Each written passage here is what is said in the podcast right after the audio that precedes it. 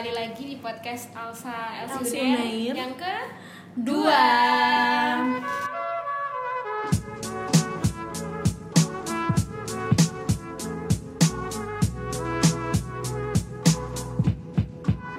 Jadi di sini Ini ada aku, hostnya Deta. hostnya baru nih. Hostnya baru. Oke. Ini ada aku Deta dari angkatan 2019 dari divisi Mood Court Division. Oke, dan aku Nesa dari angkatan 2019 dari External Division. Betul banget. Jadi, mau ngapain sih kita hari ini? ini tuh ada seorang pembicara. Oh, berarti gitu. kita ada pembicara nih. Ada pembicara Iya. dong. Jadi kita nggak ngobrol doang di sini. Maksudnya nggak ngobrol kita Berdua. berdua doang. Oke.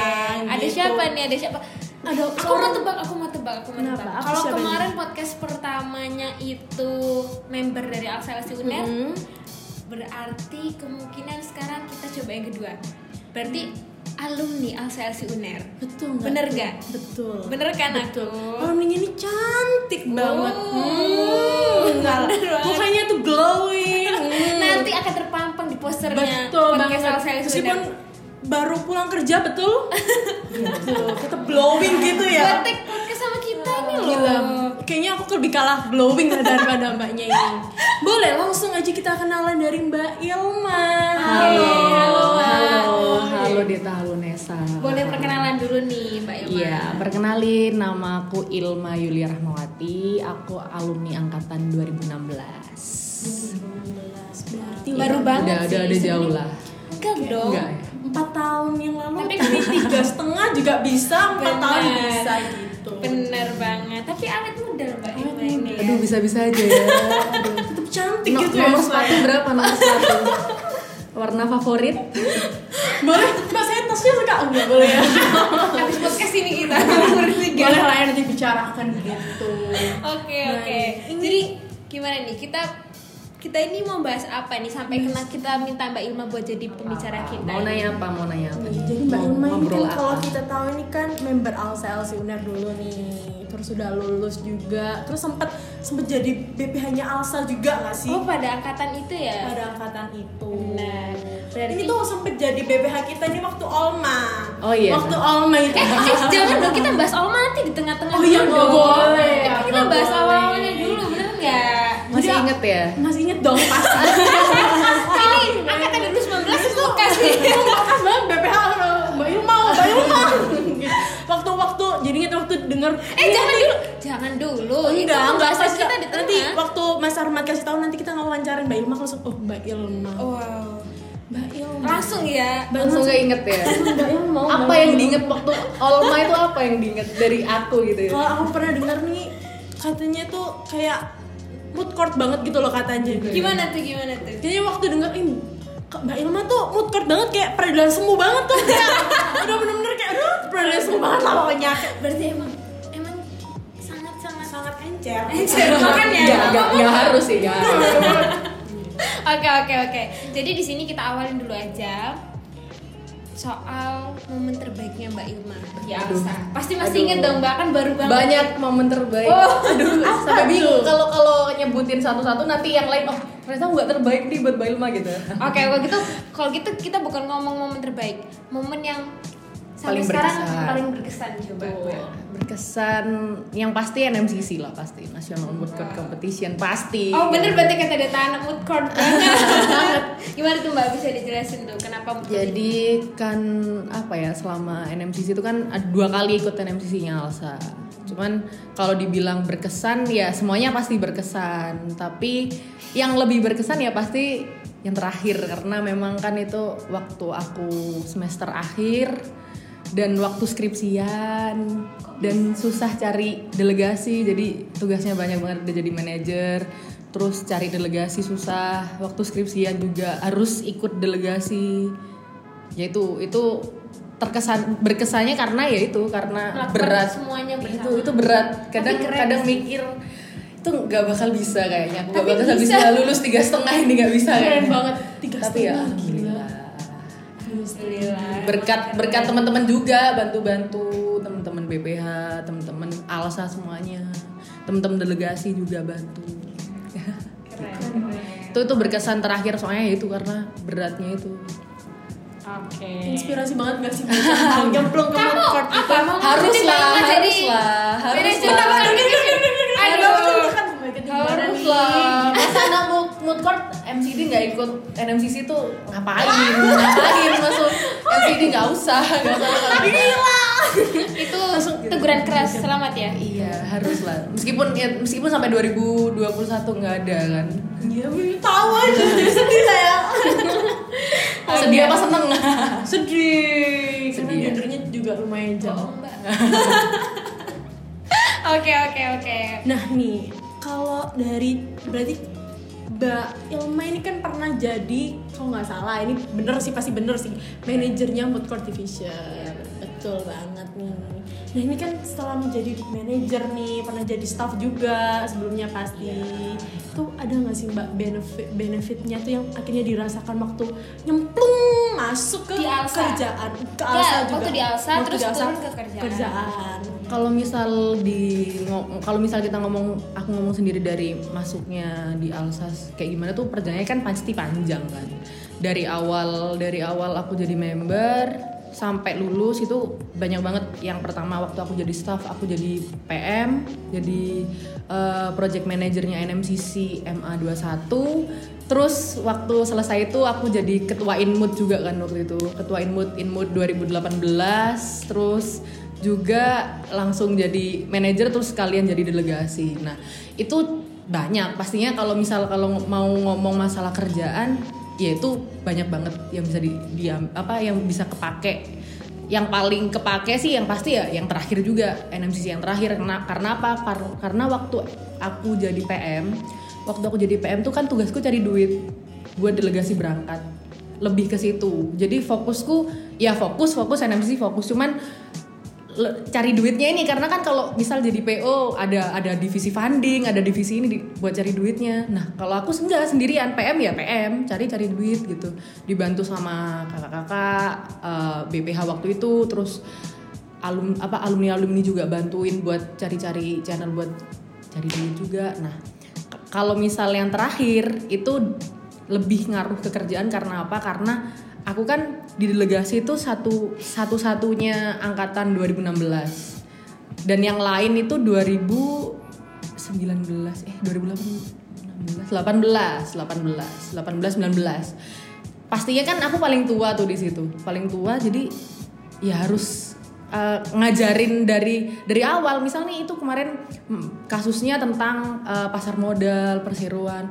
Kan maba-maba sama yang angkatan-angkatan baru belum jadi ya gimana caranya aku ngasih yang ayo nih baca-baca bareng kita diskusi bareng belajar bareng. Nah susahnya di situ. Tapi tapi enaknya apa?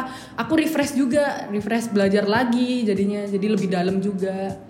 Nah pastinya ya kalau dibilang aku ikut alsa benefitnya buat kerjaan ini eh, banyak ya banyak. Karena itu tadi ikut NMCC itu tadi.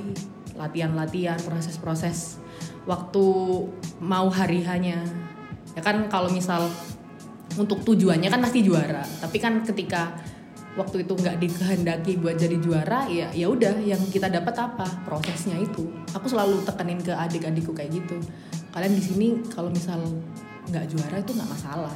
Ya masalah sih cuman eh, kalau emang udah takdirnya bonus Ya. Juara tujuan sih lebih bonus. tu- Oh, tujuan tujuan. Tapi kalau memang tujuannya bukan takdirnya untuk jadi juara ya udah yang kalian dapat apa selama di sini jangan sampai udah nggak juara nggak dapat apa-apa ngapain kan berbulan-bulan kita berkorban sampai jam 3 pagi sampai nggak tidur seharian nggak seharian doang tiga hari nggak tidur juga pernah tapi kalau misal nggak dapat apa-apa kan sayang banget.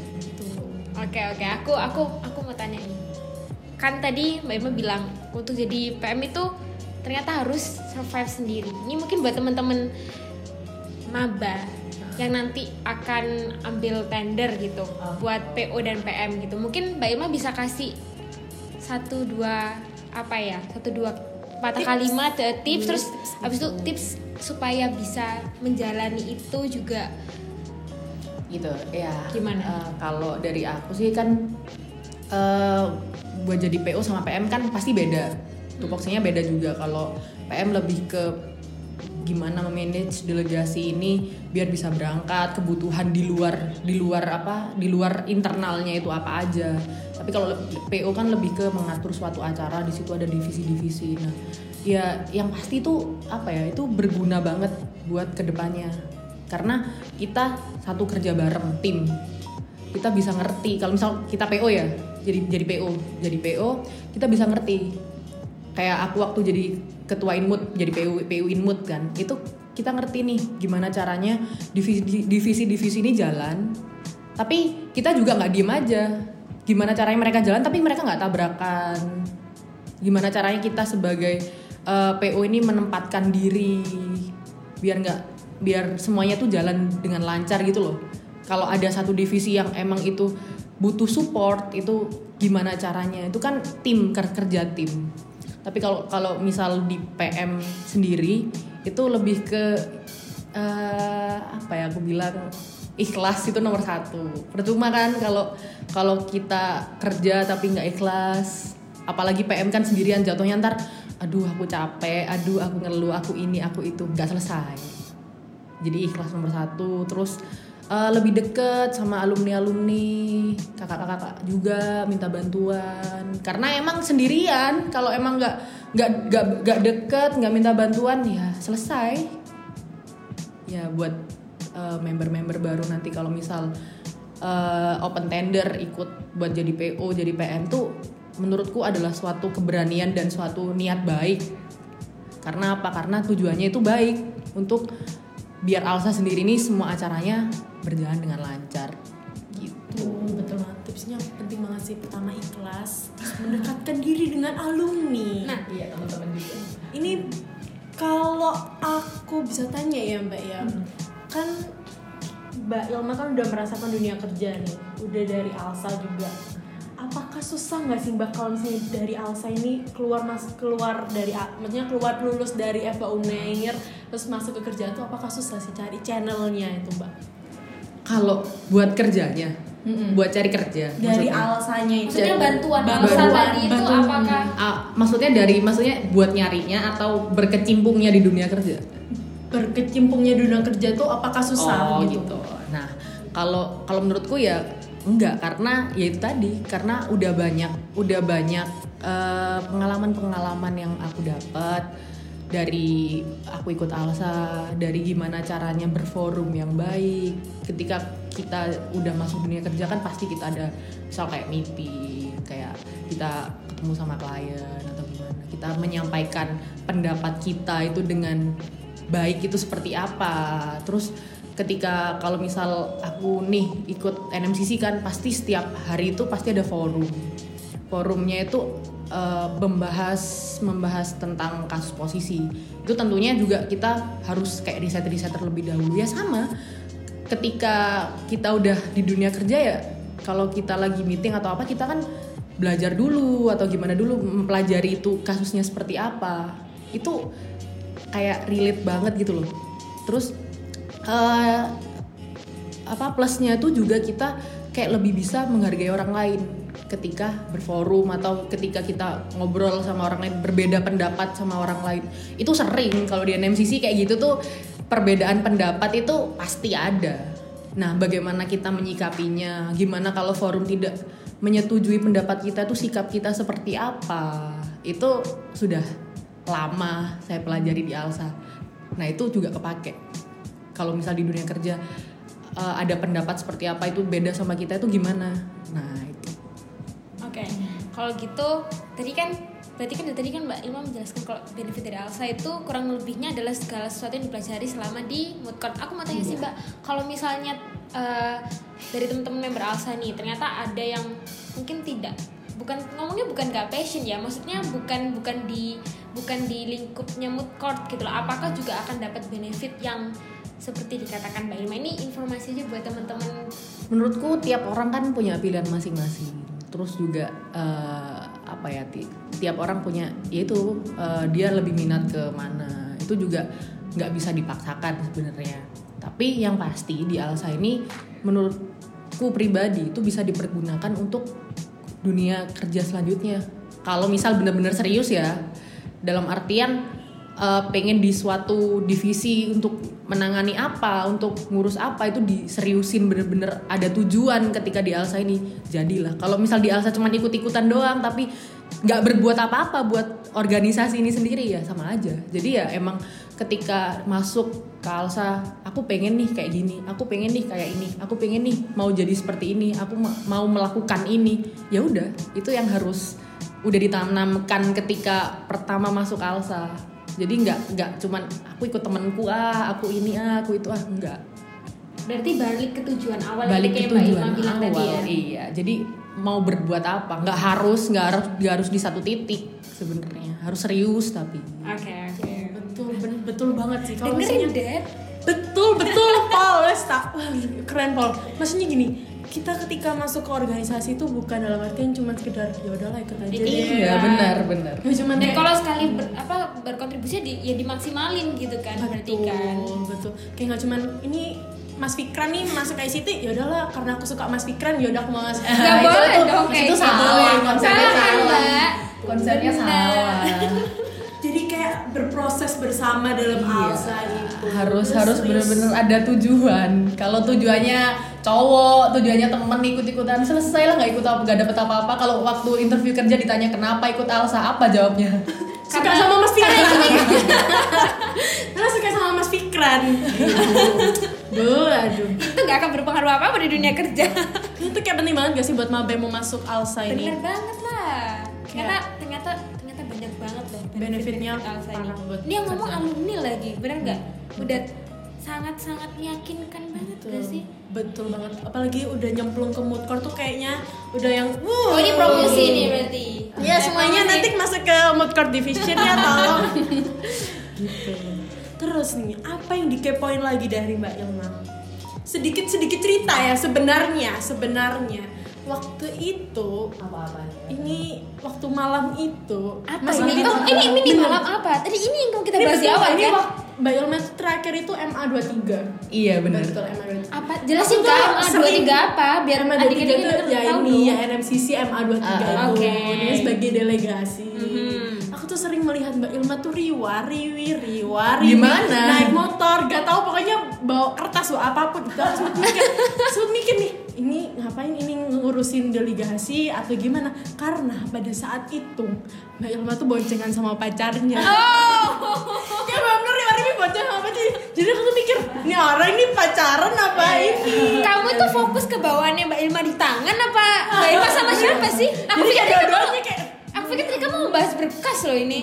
membahas berkas tuh kayak mikir "Ih, berkas atau sesuatu enggak, Gitu. enggak. soalnya kan emang di EMA 23 ini aku dibantu sama pacarku kan Oh. karena dia emang kan sebelumnya kan dia kepa- apa ketua delegasi dia kan ketua Wih. delegasi EMA 22 Ya ini contoh saling pasangan yang saling berproses bersama Iya saling membantu. Iya. Berarti bisa jadi kalau masuk ASA kita dapat cowok jodoh.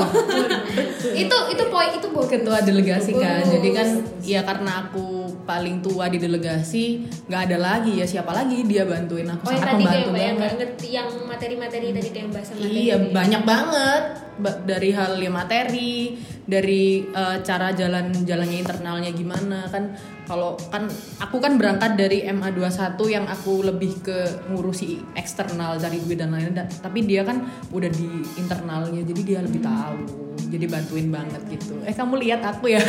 Loh ya lihat dong Mbak kan cerita. Kemarin di gedung C boncengan motor turun terus kayak bebers betul kayak gini. Terus Iya, Ya, iya, iya. Tapi emang kelihatan sibuk banget kan Kelihatan sibuk sih. kita. Iya. Kalau dari ruang BEM ke gedung C, ruang BEM. ya gitu Itu terus itulah ya. kehidupannya di situ Oke oke oke. Ini kalau misalnya bisa aku tanya ya Mbak ya, ini kan kebetulan aku juga dari MCD juga. Ini ada nggak sih Mbak kayak sesuatu yang bener-bener setelah apalagi Mbak Elma manajer juga ya, yang bener-bener akhirnya tuh membawa sesuatu yang uh, banget di kerjaan setelah dari menjadi manajer MCD itu Mbak. Kalau yang ngaruh banget ya pemberkasan sih, lebih ke pemberkasan ya. Jadi kan kalau kita NMCC kan eh, ada kita ada ngeberkas tuh, ngeberkas terus ada deadline, deadline sampai tanggal berapa. Ngejar kan ngejar gimana caranya selesai tapi gimana caranya bener semua itu itu yang susah sebenarnya. Nah itu ngaruhnya ngaruhnya ya di, di kerjaan. Kalau misal di kerjaan kan kita dikasih nih apa kayak ada case atau apa ngurus berkas ngerjain berkas gimana caranya bikin berkas yang ya menurut kita baik terus gimana caranya selesai dengan tepat waktu. Nah itu itu itu ngaruh banget. Soalnya kalau uh, NMCC juga berkasnya sampai jam 3 pagi masih masih berkas jam 4 pagi jam berapa eh, nggak tidur. Nah kalau di kerjaan gini ya udah udah biasa kayak gini kayak gitulah. Jadi udah nggak Nggak kaget kaget. nggak kaget. Nah. udah udah ya berarti ngaruh ya jelas ngaruh. Nggak nggak apa nggak kayak nggak gampang ngeluh nggak karena udah udah capek dulu di kuliah iya iya. Udah capek duluan Berarti kayak kebiasaan begadang di kuliah gara-gara NMCC itu kebawa sampai ke kerjaan. iya iya itu udah kayak ternyata begadang itu ada benefitnya juga ya. Baru tahu saya. tapi tapi harus produktif begadangnya ya nggak nggak scroll scroll IG doang merasa tersindir saya. mau ngomong mau ngomong Aduh, aduh. Syariatnya mahasiswa ya begini ini. apalagi online ya Ya, betul, betul ngerasain caranya itu kayak mau belajar kayak gak kuliah apa buka TikTok dulu ya. tiktok IG tiktok IG Nih, kalau aku boleh tahu ya Mbak, aku Iya, tanya dikit. Nih, kalau di banyak banget di kerjaan di sini ini Mm-mm. sebagai apa sih Mbak? oh tadi kita belum kenal Belum tanya juga. Eh, di Minola Sebayang at Partners jadi junior associate wow junior associate Ngapain itu Mbak? Eh, yang pasti kan di sini kan juga kan aku kan belum belum apa belum lawyer kan soalnya kan ada apa umur 25 baru baru bisa. Di sini ya bantuin lawyernya juga bantu ber- ngeberkas bantu ya ketemu klien ngobrol. Berarti udah udah terjun langsung bener-bener udah udah terjun langsung terus udah ngobrol-ngobrol sama eh kliennya langsung terus kayak meeting-meeting meeting-meting gitu. Ya ya, ya udah kayak kerja sungguhan pada Iya, iya. ya emang kerja sungguhan ya mbak ya. Iya iya kayak gitu. Benar-benar oh gitu. Ah, ini nih.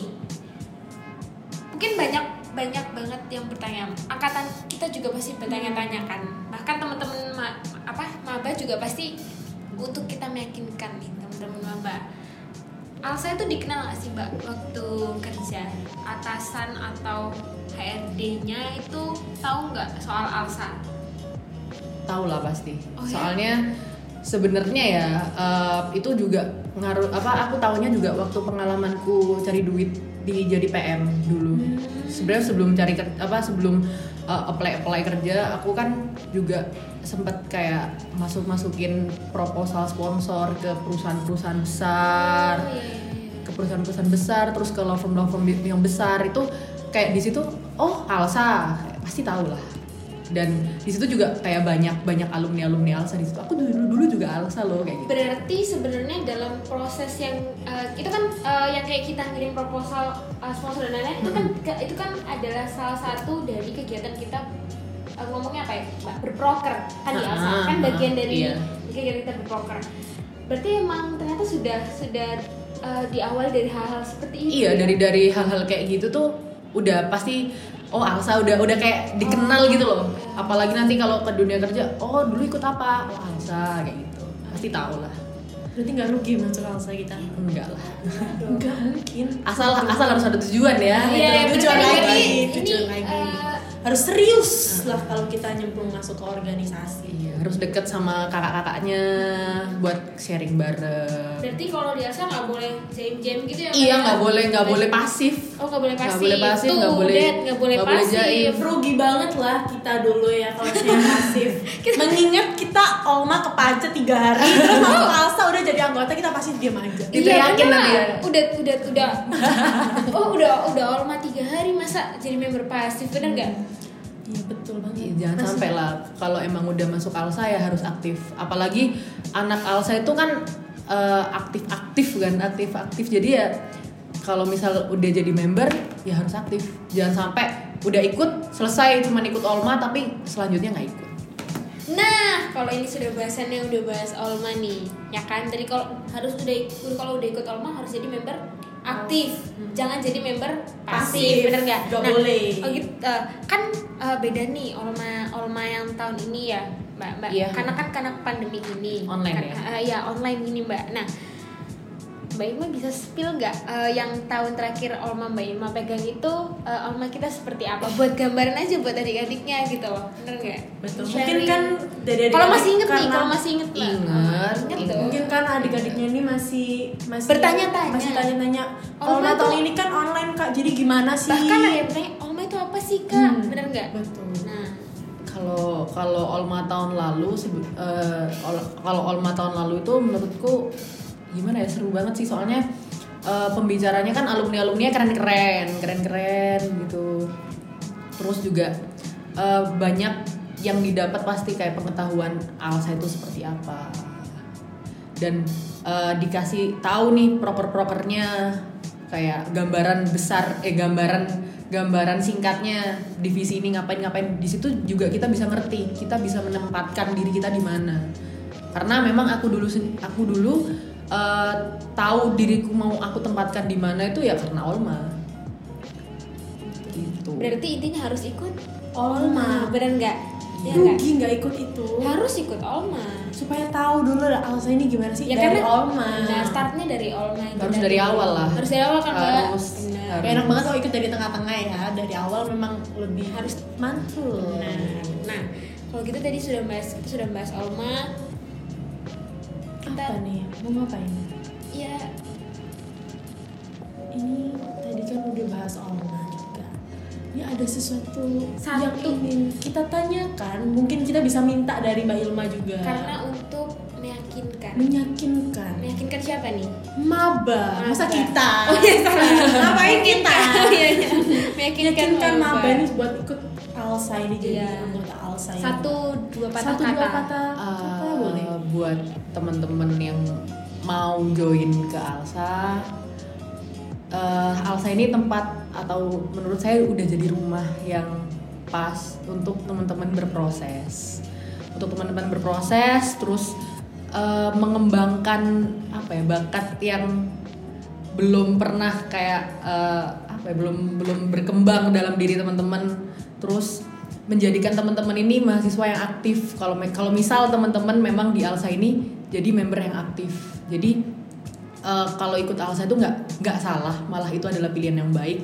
Karena ketika kita masuk di Alsa kita akan menemukan banyak teman-teman keluarga yang baru udah udah kayak keluarga terus juga uh, kita bakal banyak menemukan pelajaran-pelajaran yang ya bermanfaat buat kita jadi kalau misal jadi member Alsa harus aktif dan kembali lagi kita mahasiswa jadi akademiknya juga harus jalan betul gitu.